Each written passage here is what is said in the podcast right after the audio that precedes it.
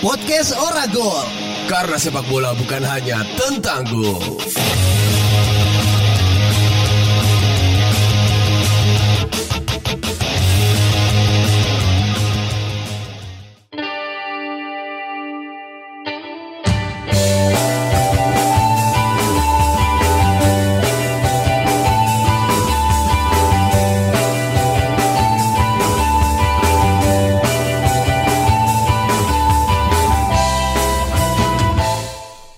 Halo, halo, selamat pagi. Pagi, pagi, pagi. Selamat pagi. Pagi. Hey. Pokoknya pagi. Bentar, saya humming dulu. Hmm, bok. Oh. Ya, selamat datang kembali di podcast Oragol karena, Karena sepak bola bukan, hanya tentang gol. gol. Barangan saya Faris. Dan saya Raihan Majid. Apa kabarnya nih teman-teman semuanya? Kita sapa-sapa dulu ya. Selamat pagi buat kalian yang bangun pagi Yoi. lalu bersiap untuk berangkat kerja. Buat para morning person ya. Heeh, dan selamat pagi buat kalian yang bangunnya sore. Ya, nggak apa-apa. Sekarang masih bermimpi. Iya iya iya iya iya iya. Saat pagi yang bangun-bangun langsung ngecek email, Oh. tapi belum ada balasan apa-apa. Karena body emailnya kosong. Kenapa di email aku kosong anjing? Cuma cuma ngirim lampiran ya. Selo nggak? Ih, slow slow gak.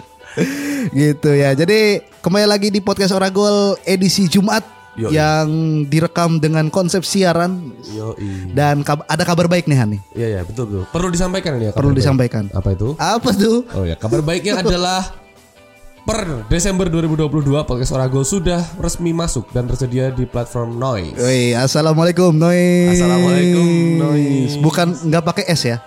Pakai si. pakai si karena ini nama brand gitu kan. Kalau noise kan berisik ya. Berisik. Bercanda isinya musik. Itu salah satu podcast yang sering kita dengerin juga. Influencing ya. Influencing.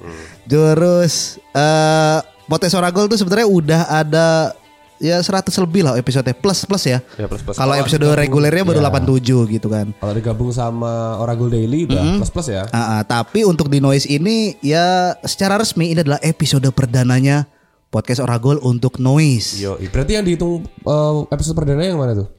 Ya ini Yang ini ya. Heeh, karena kan baru ada omong-omong noise-nya iya, gitu. Oke.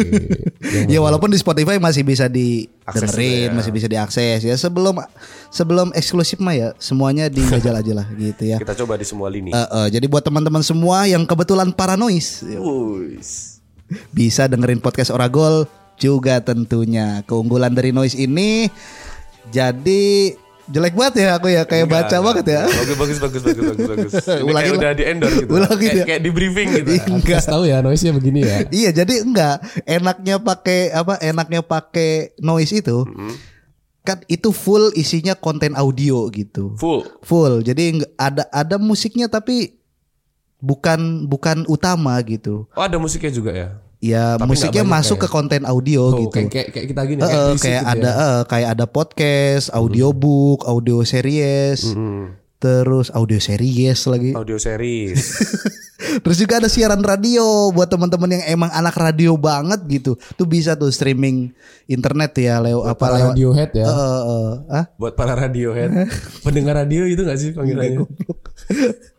Radiohead kan pala pala radio. Oh, Oke. Itu itu s- apa secara tidak langsung Tom York pengen bilang ah pala kotak gitu. Tapi selain itu juga di noise, keunggulan lain yang menarik adalah kamu yang mendengarkan para noise tadi bisa juga ninggalin komentar di setiap episodenya. Mm. Dan komentar itu bisa berupa koreksi, masukan, kesan pesan, hinaan, bebas pokoknya ya. Oh, padahal aku udah jelipin jokes tuh. ya. tapi tidak di- Besan. tapi tidak Oh, dibaca. iya. Kurang kayaknya ya. Kurang. Kurang. Besan. Iya. ya, intinya kita akan mengudara terus-menerus sampai sampai ini pindah nih. Sampai diungsikan ya. Eh, eh, Dan buat teman-teman yang mungkin ini tuh kita siarannya siang atau pagi sih? Menjelang siang. lebih Menjelang tepatnya. siang ya. Menjelang Ya, mungkin ada yang masuk siang juga. Ada dong. Nah, kita Shift kita dua eh, biasanya ya. shift 2 ya. Shift 2. Heeh, Nah kita ngingetin buat ya jangan lupa sarapan lah kalau belum sarapan. Utamakan sarapan bukan harapan. Betul sekali. Dan buat kamu yang udah di kantor ya kira-kira enaknya makan siangnya apa nih gitu. Geprek Mixu. Nah, kantormu tuh dapat makan siang kan? Gak dapet. Nggak dapat ya? Nggak dapet. Aku dong dapat. Apa tuh? Macam-macam ya tapi ya. Heeh. Kalau di tempatku paling gorengan sih, Riz. gorengan sama es buah gitu kalau siang. Serius kayak takjilan. Itu konsumsi konsumsi volunteer ya. Bukan konsumsi karyawan. Mas bagus volunteer coy ada ayamnya ada telur. Ada ya? Di tempatku nggak ada. Nggak ada ya. A- Emang harus dadakan ke burjo gitu ya. Iya jadi kalau udah masuk jam istirahat di tempatku aku pasti cabut tuh habis sholat duhur langsung keluar. Mm, mm, mm, mm. Karena di kantor juga nggak bisa ngerokok kan. Oke. Sekalipun ada catering aku tetap harus keluar untuk Oke, menem- oke. memenuhi kebutuhan Tembakau ya. bakaunya. Heeh, ya. Tapi kabar entah nih ini ini ka- entah jadi kabar baik atau kabar buruk ya bahwa per Januari 2023 ini eh perusahaan-perusahaan ataupun tempat-tempat kerja itu mewajibkan karyawannya itu untuk WFO. Menurutmu gimana itu? Aku juga udah ngerasain itu sih soalnya tempatku udah nggak ada WFH kecuali memang izin ya. Mm-mm. Dan aku nggak tahu sih tapi kalau nggak salah kamu pernah cerita Riz atau siapa ya kalau bentuk budaya kerja yang baru emang kombinasi hybrid itu ya WFH Iya, dan iya, WFO, iya, karena ya kita nggak pernah tahu kapan penyakit itu datang misalkan Iya, iya, iya. argumentasinya itu. Heeh, kalau teman apa banyak ya orang-orang di Jakarta sih yang muncul di timeline gue itu pada ngeluh gitu WFO itu wah bikin polusi apa macet pusing Mager aja sebetulnya. sih. Soalnya gini sih di awal-awal ketika kebijakan WFH itu diberlakukan kan sebetulnya pro kontra juga kan. Banyak Iya. yang kayak wah masa di rumah sih Oh, kerjanya. oh iya. Kita butuh kantor, kita butuh Mm-mm, fasilitas tapi iya. se- seiring itu berjalan ternyata udah jadi kebudayaan juga Nah, udah, iya, udah iya. adaptasi. Nah, kira-kira kira-kira gimana nih paranois nih? Nah, Paranois gimana? Enaknya WFO atau WFH? yoi. Atau ini WF Work from- WF WF who? WF WFC juga. WFC. Ya, work from cafe itu juga. Oke, juga iya iya mulai iya ini iya juga. iya, iya. Nggak di rumah. Ah, ah, nggak di cuma kan itu level selanjutnya dari kamu sudah punya work gitu. Iya ya, betul Iya, sekali iya. itu. Ya hal-hal baru banyak yang kita rasakan juga kan jangan ketawa ente. Iya, iya, hal baru banyak kita rasakan. Mungkin kamu yang di 2003 ini eh punya ngerasain sesuatu yang baru gitu dan kamu mungkin nggak siap untuk menghadapinya, butuh adaptasi lalu merasa galau dengan kehidupan, feeling useless. Mau Tiap mati. hari negatif vibes terus gitu ya. Iya.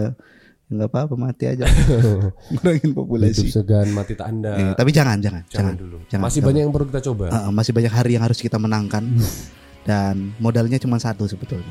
Keberanian.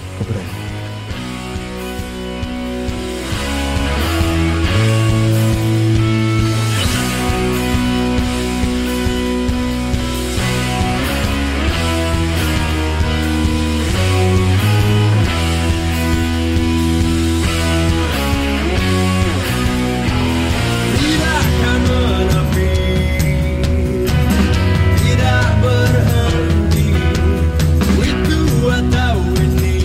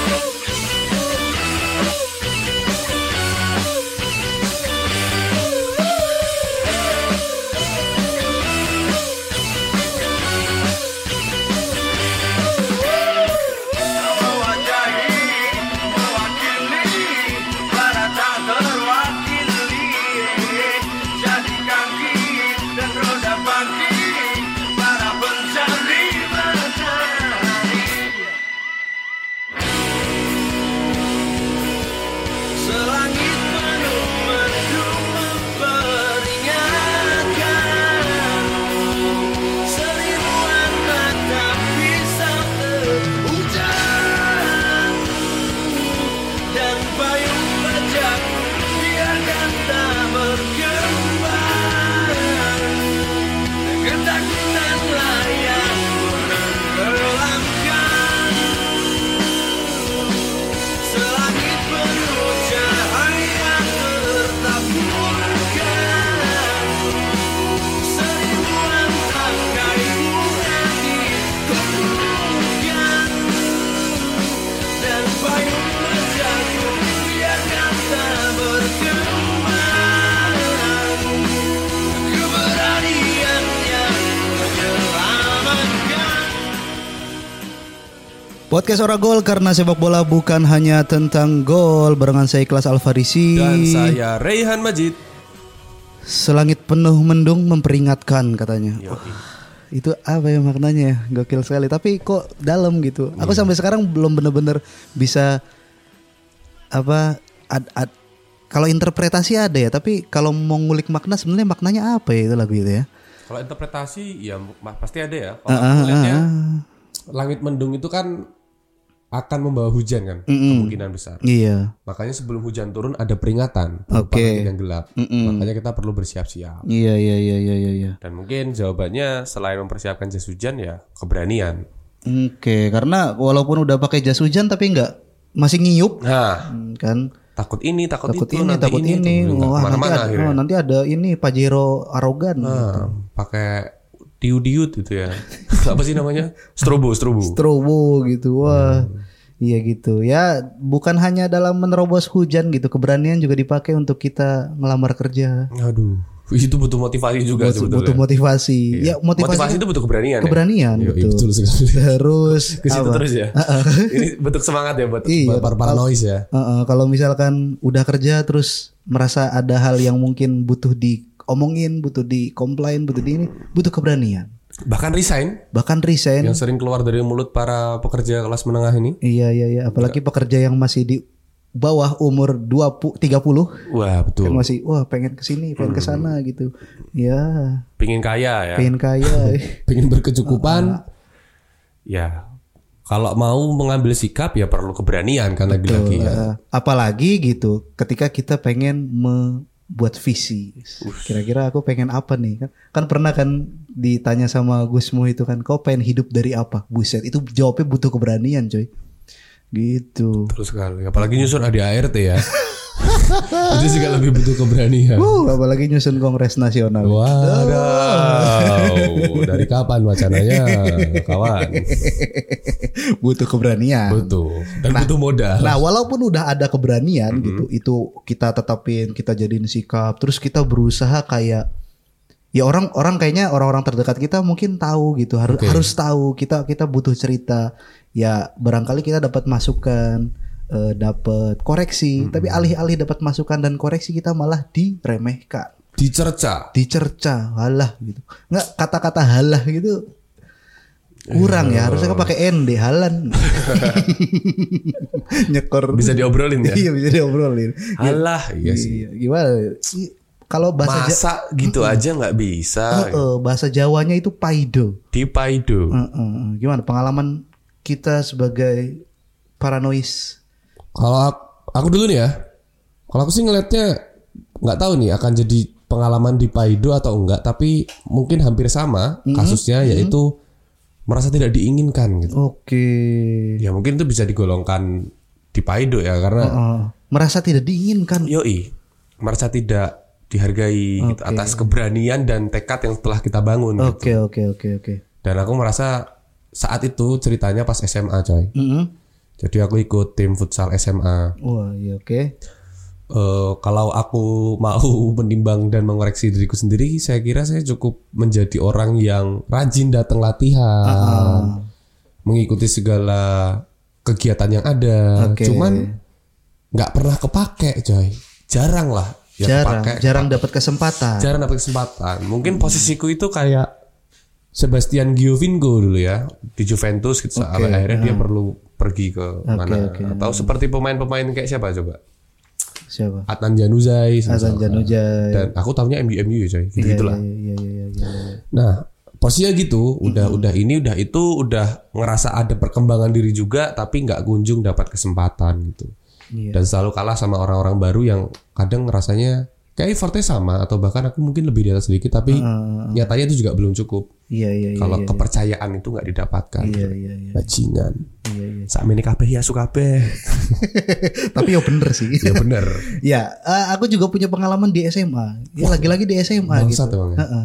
Ya di zaman-zaman segitu kan kita emang lagi kayak pengen j- ya nggak tahu sih ya sistemnya emang kayak mendorong kita buat ayo kamu terdepan terdepan terdepan anjing semuanya jadi Yamaha kayak gitu jadi aku dari kelas 10 sampai kelas 12 tuh berusaha nyari eskul gitu kan oke nggak mungkin pela- mata pelajaran favorit dong iya nyari eskul yang kira-kira aku tuh bisa kepake di mana gitu. Semuanya diikutin coy. Ya futsal gitu kan. Terus, Oke.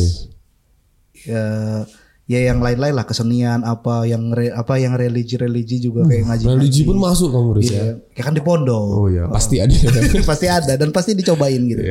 apa ini? Tapi kenyataannya bahwa setiap apa setiap ruang yang aku masuk itu aku cenderung kentang gitu. Akhirnya yang bikin aku tuh nggak jadi siapa-siapa, nggak dominan, nggak apa gitu.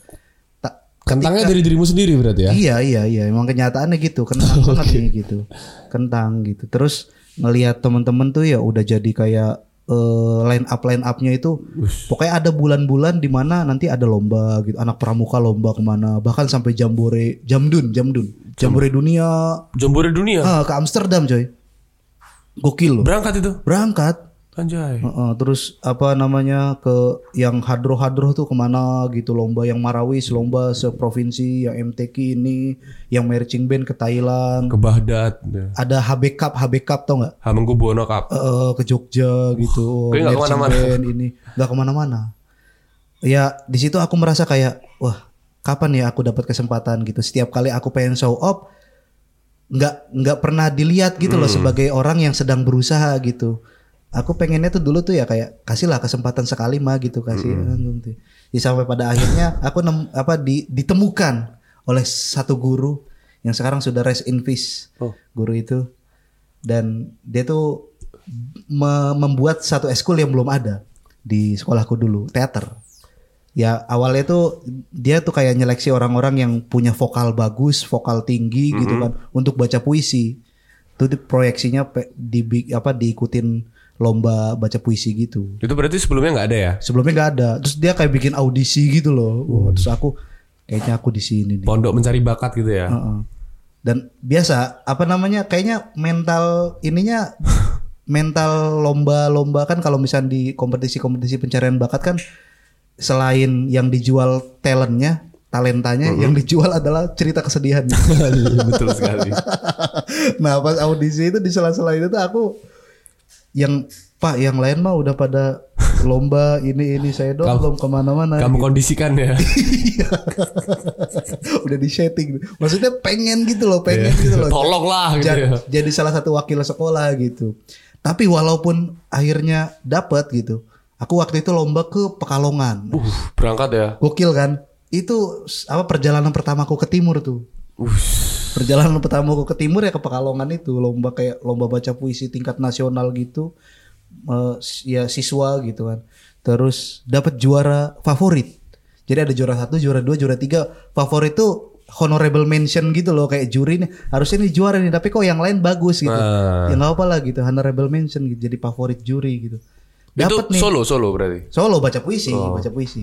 Puisinya ya di di dikurasi sama si juri-jurinya atau panitianya gitu. Pulang-pulang bawa trofi gitu kan. Bawa trofi, anjay ya bangga gitu. Tapi ternyata yang lain juga pulang bawa trofi yang lebih gede men. Akhirnya kan nggak guna juga bangsat kan ya.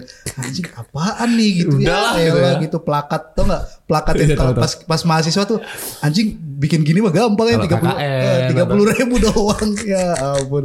Ya itulah.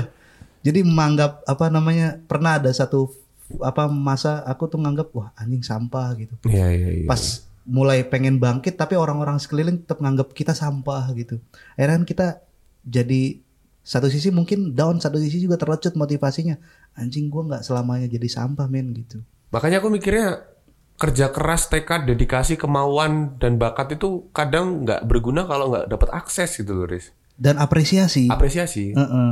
Ya kalau di terma dunia kerja ya orang-orang yang susah payah kalah sama yang punya orang dalam. Misalkan gitu kan konteksnya. Iya, Heeh.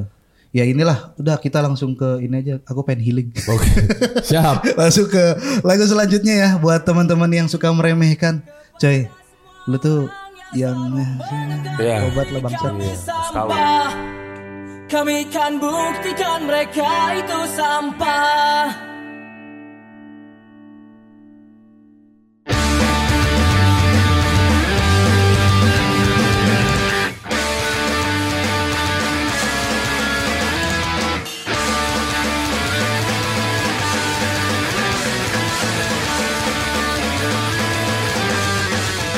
Jalan yang kita lalui, jalan yang kita jalani kawan Takkan mampu membuatku menjauh darimu Banyak bintang yang bersinar, bersinar terang di atas awan Itulah arti persahabatan di antara kita Kita kan pernah dan meskipun banyak orang bersinar dan berpikir Tiada kita pernah mengerti, kita kan teriakan Meski kami selalu dikucilkan, kami tak pernah berhenti untuk membuktikan kepada semua orang yang selalu menekan diri kami sampah. Kami kan buktikan mereka itu sampah.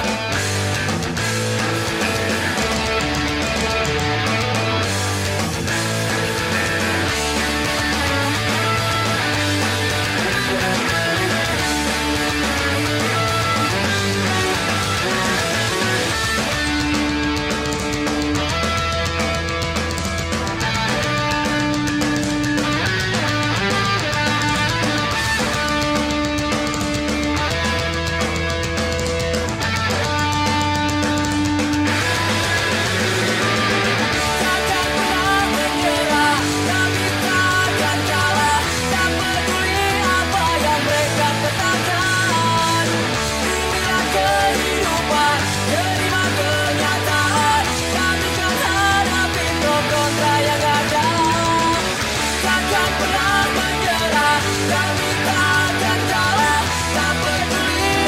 yang mereka katakan Inilah kehidupan, terima kenyataan Kami kan hadapi pro kontra yang ada Takkan pernah menyerah, kami takkan kalah Tak peduli apa yang mereka katakan Inilah kehidupan, terima kenyataan Kami kan hadapi pro kontra yang ada Meski kami selalu dikucilkan Kami tak pernah berhenti untuk membuktikan Kepada semua orang yang selalu menekan diri kami sampah kami kan buktikan mereka itu sama Meski kami selalu dikucilkan Kami tak pernah berhenti untuk membuktikan Kepada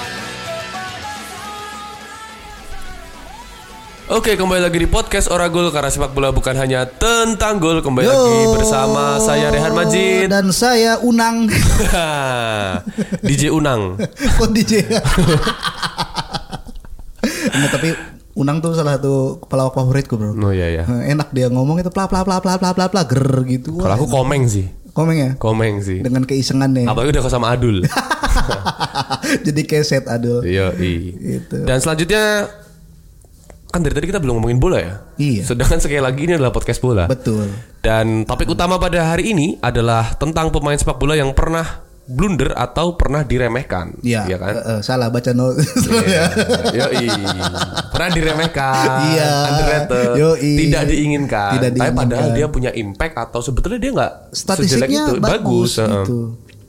Dan langsung aja ke urutan pertama, mungkin teman-teman akan familiar dengan nama yang pertama yaitu ada gelandang Manchester United yaitu Michael Carrick. Tidak seperti koleganya saat itu, Carrick tidak punya skill umpan mumpuni macam Ryan Giggs atau Paul Scholes atau stamina prima dan kejeniusan macam Park Jisung misalkan. Tapi Carrick tetap mampu menjadi salah satu gelandang terbaik yang pernah dimiliki oleh Sam Setan Merah. Gokil. Dirinya punya gaya bermain yang konsisten dengan operan-operan pendek yang kala itu tidak terlalu populer dalam permainan Liga Inggris. Hmm, Sedangkan kan jauh-jauh ya. Iya. Tus, tus. Kick and rush-nya masih kerasa tuh. Eh, Zaman-zaman segitu ya. Ya. Namun gaya tersebutlah yang mampu membuat lini tengah MU stabil dan kerap jadi penentu kemenangan MU. Namun apresiasi yang ia dapat cenderung lebih kecil daripada gelandang lainnya. Apalagi di timnas Inggris, selama 14 tahun, Carrick hanya mendapat kesempatan 34 caps bersama The Three Lions. Padahal jenius dia. ya. Jadi dulu waktu aku SD, aku pernah menyisihkan uang sakuku. Jadi nggak tahu gimana ceritanya ya. Di SD ku itu ada swalayan yang jual majalahnya MU Joy. Oh iya. Ori Apa namanya? namanya United. Enggak maja- majalah MU Iya, itu. United apa gitu. Heeh. Dan aku sering meluangkan, meluangkan, menyisihkan uangku buat beli itu. Dan satu kali aku inget banget ada satu majalah MU United apa gitu magazine atau apa. Hmm, United States bukan. ya? Eh, bukan, bukan tuh Amerika. Headline-nya adalah Carrick dan Fletcher sang roda penggerak MU. Anjing, dia cuma jadi roda ya. Roda penggerak. Bahasanya cuma jadi roda tapi itu deep juga sebetulnya meaningnya buatku. Carrick Fletcher dua pemain yang nggak dapat banyak exposure, justru mereka lah rodanya. Meskipun dipandang hanya di bawah, tapi kalau roda itu berhenti Iya, berhenti semuanya. Berhenti. Heeh. dan terbukti Terbukti sekarang nggak punya roda nih kayaknya. Akhirnya prestasinya Iya. enggak, terhenti. Enggak, enggak. Sekarang udah mulai membaik. Tolong, tolong. Tolong. Tolong. belum belum ada hasilnya. Belum ada hasilnya. Belum ada hasilnya. Tapi roda itu sudah mulai agak keputar dikit. Nah. Oke. Gitu. Ya tinggal rutin diganti ganti oli aja. Iya, betul sekali. Ten Hag ini ya. Lanjut yang kedua ada kiper asal Costa Rica bernama Keylor Navas. Dirinya bermain di Paris Saint-Germain sekarang ya. Betul. Sebelumnya itu pas ah, pasca lagi tuh. Nggak Maaf, boleh. semua. Ya, usai Piala Dunia 2014. Keylor Navas itu dilirik sama Real Mm. Madrid. Karena ya Real Madrid gitu ya kayaknya ya. Kan Suka pemain-pemain habis Piala Dunia. Ah, iya, James Rodriguez, Keylor Navas direkrut ke Real Madrid dan karena di berhasil membawa Costa Rica itu lolos ke perempat final kan, di Piala Dunia Brazil itu.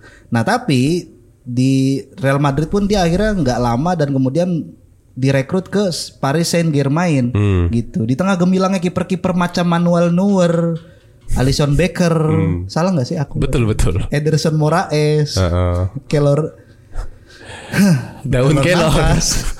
Keluar nafas. Keluar nafas bisa jadi men, eh, jelek Hei, banget. hei, hei, ayo. ya Allah, aku pengen nulis yang bagus ya Allah. Kelor Nafas jadi salah satu kiper yang ya bisa jadi diremehkan gitu. Iya, iya. Padahal pada musim 2021-2022 ini eh, pemain Kelor Nafas, Ininya udah kepake. Ayo. aduh anjing salah-salah mulu. Jadi dia di musim sebelumnya, ini kan musim Ah. 2022-2023. Yes. Nah, di musim sebelumnya dia udah 11, 11 kali clean sheet dalam 21 pertandingan di liga. Itu kan pencapaian yang lumayan ya bagi sebuah kiper yang ya walaupun di PSG sih gitu Hmm. kan. Meskipun ya. Eh, meskipun di PSG, tapi kemudian dia sebagai kiper jago di Hmm. klub yang elit itu nggak membuat dirinya itu disejajarkan gitu loh. Iya, iya. sama kiper-kiper jago yang ada saat ini. Yang tadi kamu sebutin ya. Mungkin salah satu penyebabnya mungkin ya. Kelor Nafas ini berasal dari Costa Rica, coy. Mungkin ya. Itu yang aku pikirin juga. Iya. Maksudnya kar- apa karena dia dari negara mediocre yang mungkin secara kultur sepak bola, tradisi sepak bola tidak terlalu dominan di kancah dunia gitu kan. Jadi yang nggak jadi yang utama gitu. Ya kayak Edin Zeko lah kita lihat. Edin Zeko. kita nggak bisa bohong kalau dia cukup gacor depan gawang tapi ya kapan sih dia disejajarkan sama bahkan eh, striker-striker yang nggak terlalu inilah dia selalu selalu dijadikan opsi kesekian ketika kita Iya, mikirin iya. soal striker Eh, gitu. nggak top of mind gitu ya. Iya. Siapa nih striker paling jago sekarang? Joe Felix. waduh kartu merah.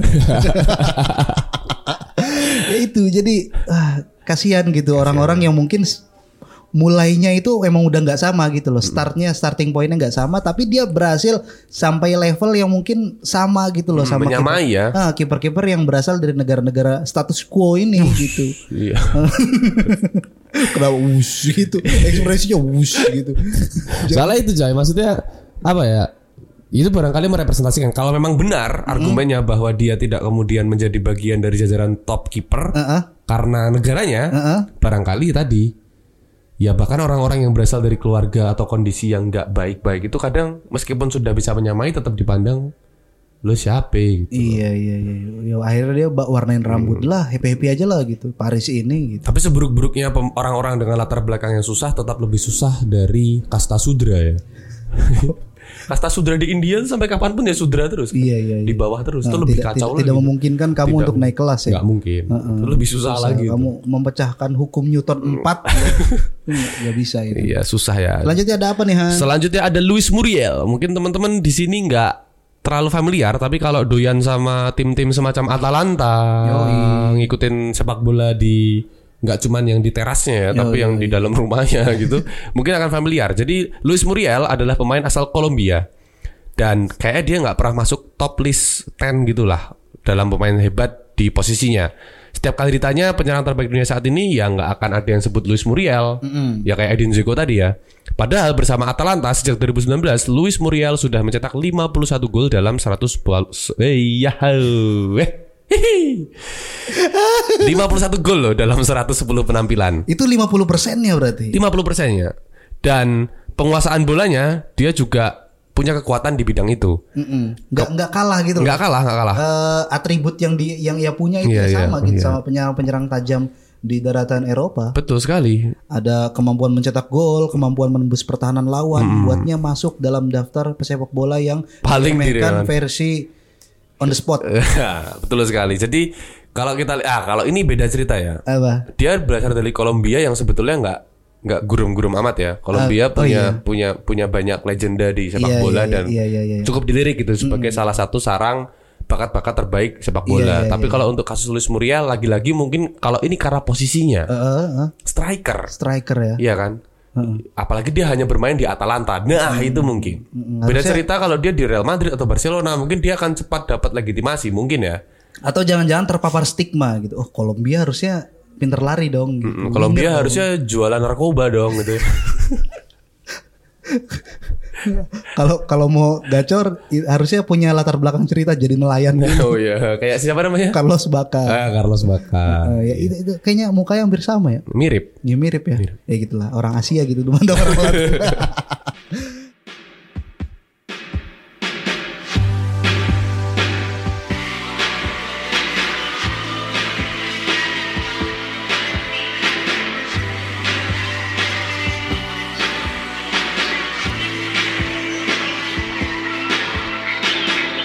Kalau semua doa telah terbaca Namun kau berdua Sempurna Kalau semua cara telah kau coba Namun tak kunjung tiba Bahagia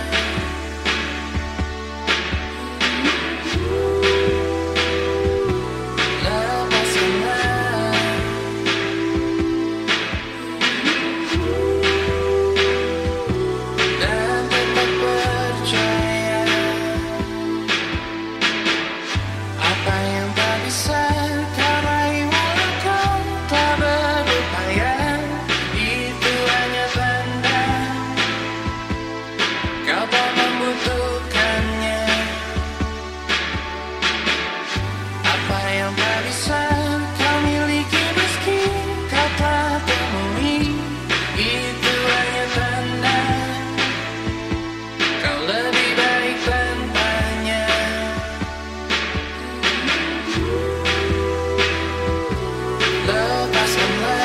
Lepaskanlah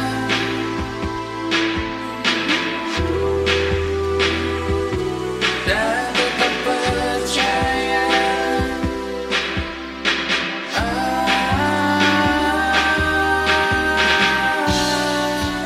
Semua yang telah diberikan olehnya Pasti ada rencana yang indah Dan kau pun merasa gelisah Bersyukurlah dan berserah.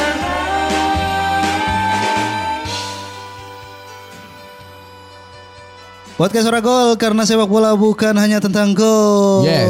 Kalau semua doa Telah kau baca, Carlos baca. bagus banget. Bagus Iya, ya? anjing gue keren banget sih hari ini. Han. Masa sih? iya.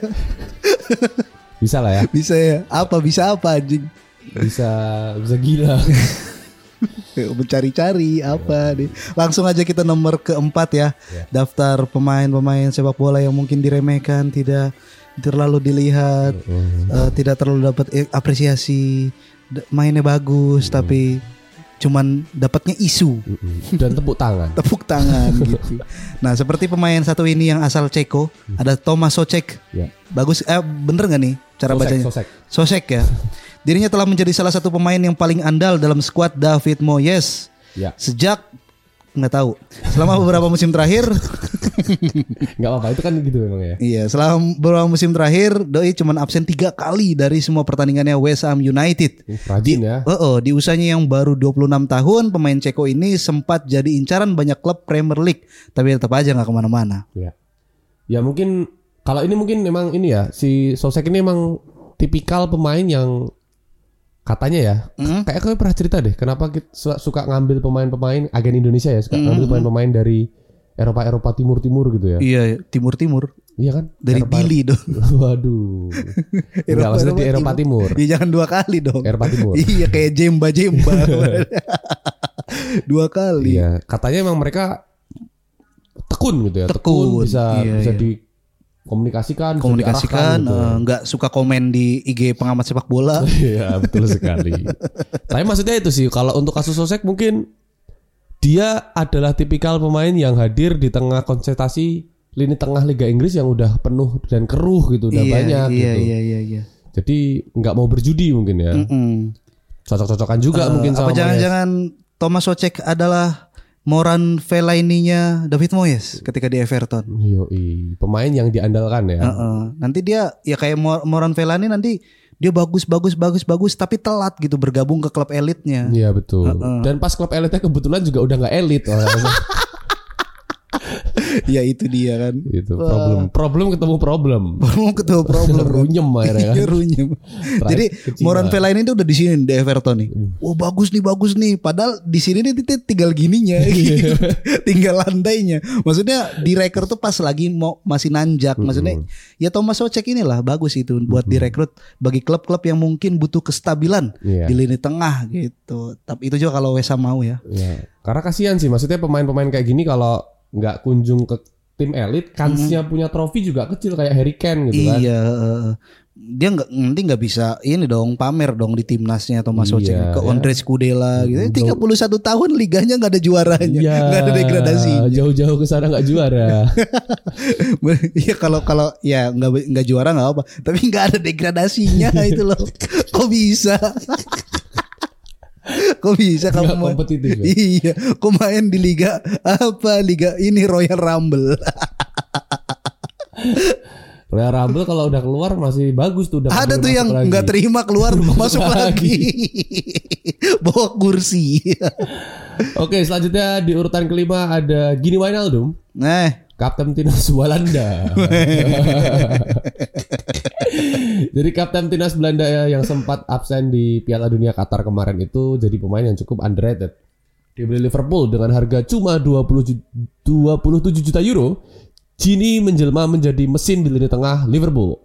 Dirinya jadi bagian penting saat Liverpool mencapai puncak kesuksesan antara tahun 2019 sampai 2020. juara Premier League, juara Liga Champion ya. Betul. Champion dulu baru Premier League deh. Champion dulu baru Premier League. Mm-mm. Dengan memenangkan Premier League dan UCL itu dia akhirnya juga nggak jadi sosok yang kemudian dapat highlight di Liverpool Iya, kalah iya, sama yang iya, lainnya kan.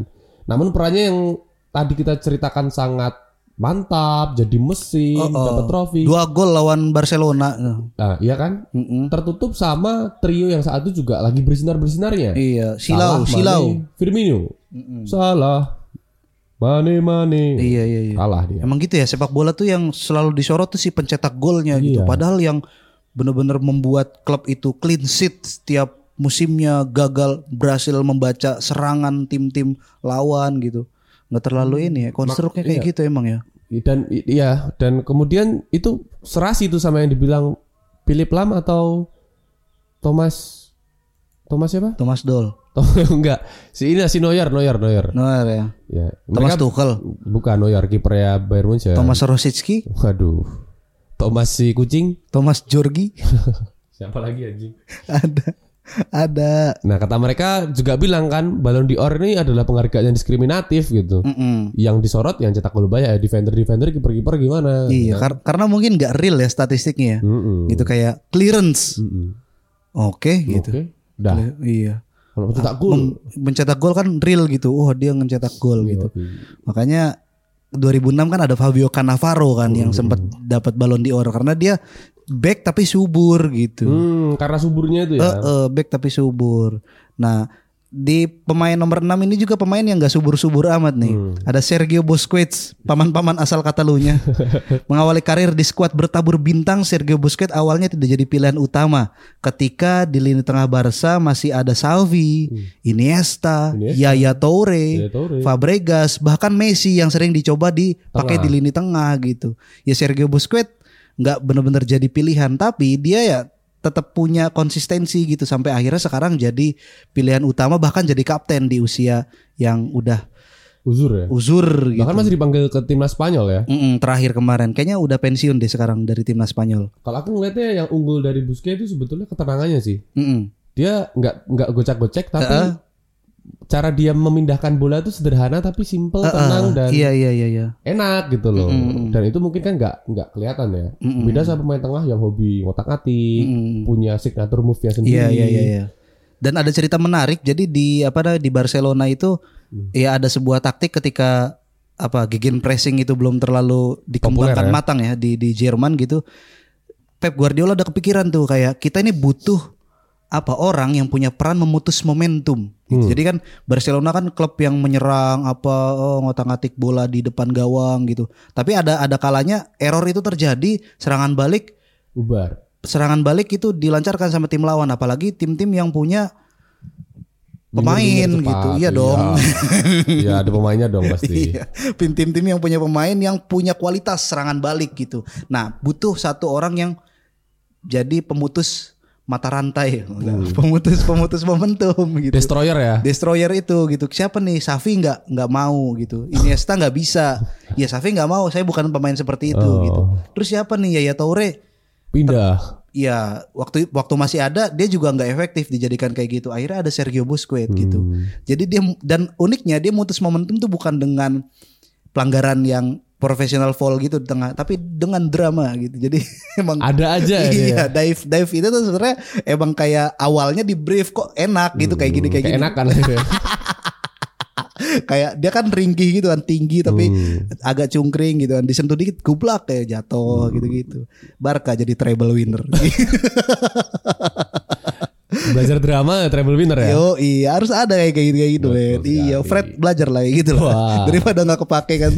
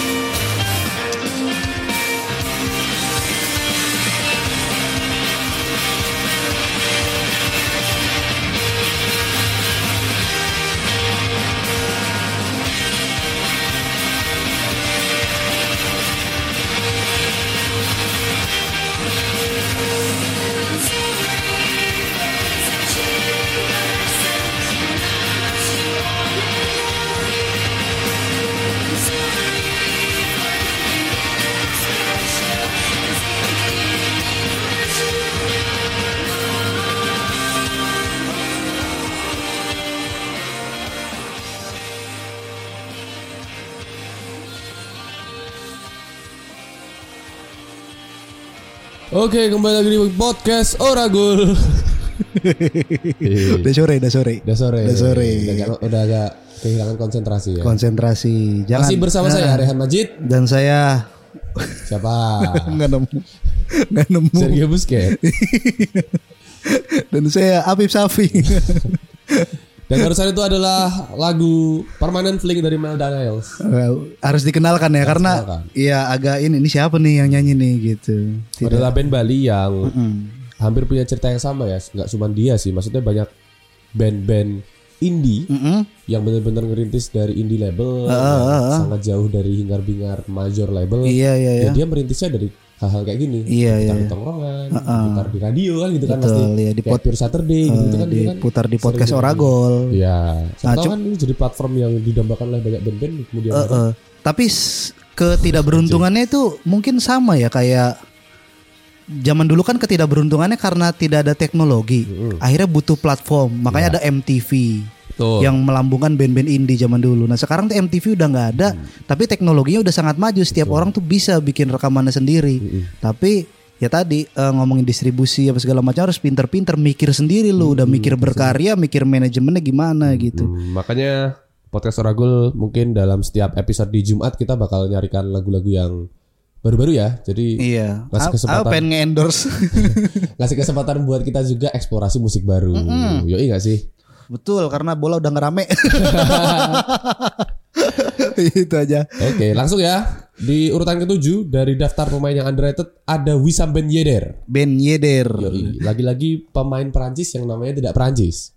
Iya, ya itulah pokoknya. Jadi dia adalah seorang kapten dari tim AS Monaco yang nggak populer mungkin buat teman-teman. Iya, kapten ternyata dia. ya. Kapten. Tuh, kan, saya aja tidak tahu. Tapi jika melihat statistiknya, dia tidak diragukan lagi adalah pemain yang cukup underrated di Eropa. Heeh. Di musim 2021-2022 saja, Ben Yedder punya caps 22 pertandingan, mencetak 14 gol untuk klubnya dan secara konsisten punya performa yang luar biasa bersama Monaco. Wajar saja kalau Ben pantas disebut sebagai mesin gol bagi Monaco. Ben Yedder sudah mencetak 71 gol dalam 174 pertandingan untuk Monaco, sementara di klub sebelumnya Sevilla, ia juga telah mencetak 70 gol dalam 138 pertandingan. Edan. Edan ya, Edan, Bro. Edan, Edan Mame. Underrated, Bro. Banyak gol ya? Itulah, Banyak gol. Nah, Ben Yedder ini salah satu pemain yang ditakuti kalau misalnya Monaco lawan tim-tim elit termasuk PSG atau Hmm. pas di Liga Champion lawan siapa gitu. Sama satu lagi tuh dari Real Betis tuh ada tuh. Siapa? Huakuin. Bukan coy, sengka orang ini juga imigran juga. Aduh.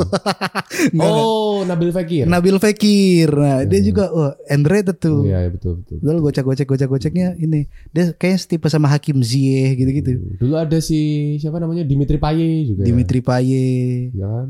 Tapi lagi-lagi karena dia besarnya di West Ham udah udah gini doang, udah di atas dia kan, Iya, underrated, tinggal nunggu-nunggunya underrated. Salah satu prestasinya ha- apa Bayet tuh bikin cedera Ronaldo aja Iya, di final. di final Euro yang akhirnya dia langsung jadi pelatih.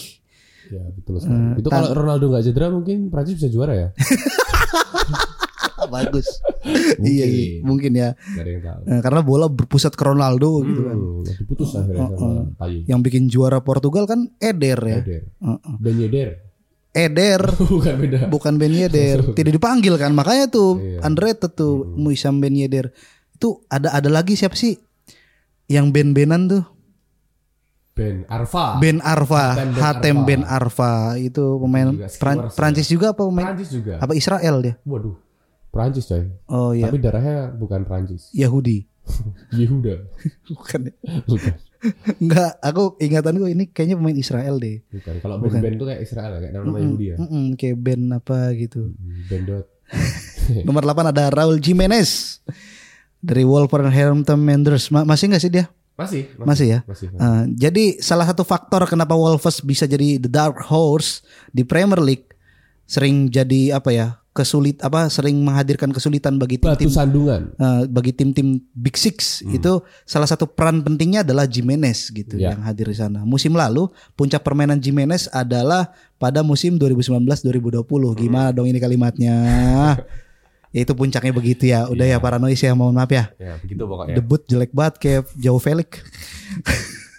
Ketika ia memainkan duet cemerlang bersama Diogo Jota. Jadi Diogo Jota cemerlang itu ya salah satu Tandemnya, Tandemnya. Raul Jimenez. Terus di tengahnya tuh ada Ruben Neves. Terus Intinya ada Portugal mayoritas. Portugal ya. Nah, dirinya me- berhasil mencetak 17 gol dan menghasilkan 6 assist. Hmm. Lumayan ya untuk sebuah klub serigala itu. Lagi-lagi Raul Jimenez ini berasal dari negara yang mungkin nggak terlalu di ini ya, Meksiko ya. Iya iya iya. Dari eh, Meksiko. Raul Jimenez. Orang kalau ingat-ingat Meksiko taunya Rey Mysterio soalnya. Six- 619 ya, kalau sepak bola ya. sama Eddie Guerrero Eddie Guerrero yang Iya. meninggal dunia. yang meninggal dunia. Ini selalu dibahas terus sama, Iya. sama Rey El Mysterio. Chapo, El Chapo. bandar narkoba. Ada komik joget namanya El Chapo. Oh, serius? iya. Waduh. Itulah ya. Itu lanjut nih. Terakhir Han. Lalu, apa? Terakhir. Oke, terakhir ya. udah sore, udah sore. Rau banget Rau. Rau. Lalu kemudian ada Gerard Moreno dari Villarreal. Dia bergabung dengan Villarreal pada tahun 2018 dan penyerang Spanyol ini dianggap sebagai salah satu pemain paling berbahaya di La Liga. Cing, Ngeri ya. berbahaya, Bro. Secara teknis atau kemampuan Moreno sebagai penyerang cukup mencengangkan. Gokil. Waduh, nomor 4 mencengangkan. Sampai sekarang Moreno sudah mencetak Nomor 5 bikin deg-degan. Iya. sekarang sampai sekarang nih Moreno udah cetak 93 gol dalam 204 pertandingan untuk klubnya. Dia adalah bagian integral dari tim pemenang Liga Eropa 2021, Unai Emery dan juga pencetak gol terbanyak kompetisi selama turnamen itu. Tahu kan finalnya lawan siapa? Lawan Miu. Hmm. Lawan Miu. lawan Miu Yen. Miu Yen Tianlin. Iya. Meskipun dia adalah salah satu penyerang paling produktif di La Liga, dia banyak diremehkan oleh banyak orang. Bahkan tidak menjadi pilihan utama di lini depan timnas Espanya. iya ya. Jadi ini kayak dia Pablo Sarabia terus Mm. siapa lagi? Morata mulai dipasang di depan dia. Kenapa ya? Ada lagi Diego Costa Diego udah Costa. naturalisasi dari Pensiun. Brazil Iya. masuk Spanyol Nol, nggak dipakai. nggak dipakai juga. Ternyata skemanya tidak pakai striker. Ya. kan ada ya pemain yang dilahirkan di negara yang salah. Heeh. Tapi ada pemain yang yang kamu punya posisi itu di ma- timnasmu itu nggak punya skema itu, Di- tidak diinginkan oleh Iya. timnasmu. Jadi dibawa, oke, karena dia emang jago gitu, makanya dibawa gitu. Iya. Mungkin dulu Diego Costa mikirnya "Oh, Spanyol kok diinget-inget ada Morientes, ada Raul Gonzalez, bisa nih. Fernando masuk nih." Torres, Wah bisa nih masuk katanya. Bisa Begitu nih. Iya. masuk ya udah nggak dipakai. dibantai itu lawan Belanda 5-0. Iya aduh. Oh, kasihan banget gitu. Kasihan nah, ini Gerard Moreno ya. Jadi apa ini adalah deretan pemain-pemain yang underrated Iya. yang kalau misalkan disebut kita bakal mungkin mikir oh iya juga ya ini pemain bagus ya. Satu dari satu pemain Indonesia yang underrated minimal dia harusnya dipanggil timnas siapa tapi nggak pernah atau jarang banget. Ada nggak buatmu? Siapa ya? Ntar Indo Indo Indo ya. Indo.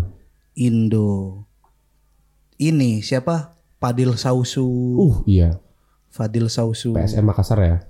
Bali dong. Eh Bali ya. Bali dong. Terus siapa lagi ya? Ya maksudnya kita kan ngelihat performanya di ini ya. ah. Ya walaupun Wawan Hendrawan, oh, Wawan Spiderwan nih pas dipanggil timnas juga lim- Gitu-gitu Ah. doang, lima gol gitu. ya enggak, kok kenapa an- kita underestimate kan Hmm. kita lagi naikin orang-orang Iya. yang underrated. Terus dulu itu Haryono sebenarnya berhak banget gitu loh Hmm. jadi punya satu tempat ya. Saya mengundur gitu ya. Iya. Tapi pernah satu satu apa satu caps dan dan berhasil ngegolin Uh satu cap satu gol ya. dan palanya berdarah men. itu kualifikasi Piala Asia apa dulu lah waktu Alfred Riedel awal-awal tuh. Totalitas ya. Heeh. Tapi ya waktu di apa sele, apa gelandang-gelandang di zamannya Haryono kan lumayan bagus-bagus ya. Firman, Ponario. Ponario gitu. Salim Alaidrus. Mm-mm. Eh Salim Alaidrus wing wing ding. Ya itulah pokoknya apa kalau menurutmu? Kalau sekarang nih yang aku suka tuh Fred Butuan sebetulnya. Fresh butuan ya Ya. si prajurit itu. Iya, itu keras itu coy. Bisa lah itu. Iya iya. Kalau si STI suka pemain yang ngotot-ngotot gitu dan secara teknik bagus, Fred tak pikir bisa lah. apalagi setengah tahun ini tempat sama Luis Mia ya. Iya. Secara Bien, bien, bien. bien bien bien. Aji kasihan banget Luis Milla ya. Iya, Jadi sejak kedatangan beliau kan Persib belum pernah kalah. Ini melihat "Ih, ini nih Aduh, liga ini. liga ya gimana bro gitu. Oh, Goblok anjing gitu. Ya gimana sih gitu ya pulang-pulang ya pulang semuanya pulang lah. Pulang. Hmm. Iya, Eh pulang ayo kita pulang nih ya podcastnya udah mau selesai juga nih ya. Mulai, mulai. Eh, ya sampai jumpa di episode selanjutnya teman-teman. Bye. Bye-bye. Aku enggan beranjak pergi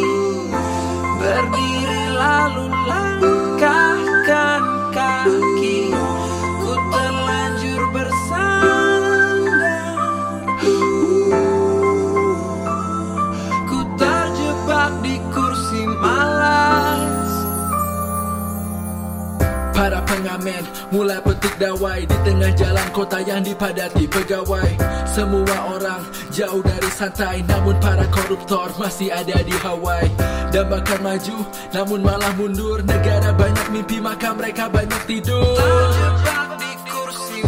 Yeah, yeah, yeah, uh.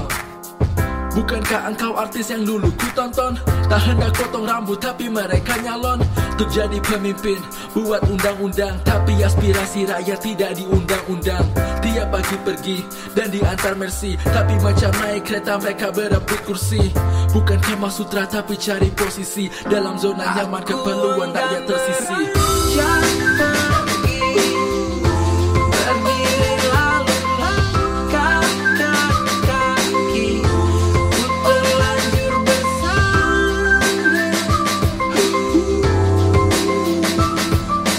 Terjebak di kursi mas Sadar hariku tak berarti Tapi mau bagaimana lagi Semua telah berlalu Ku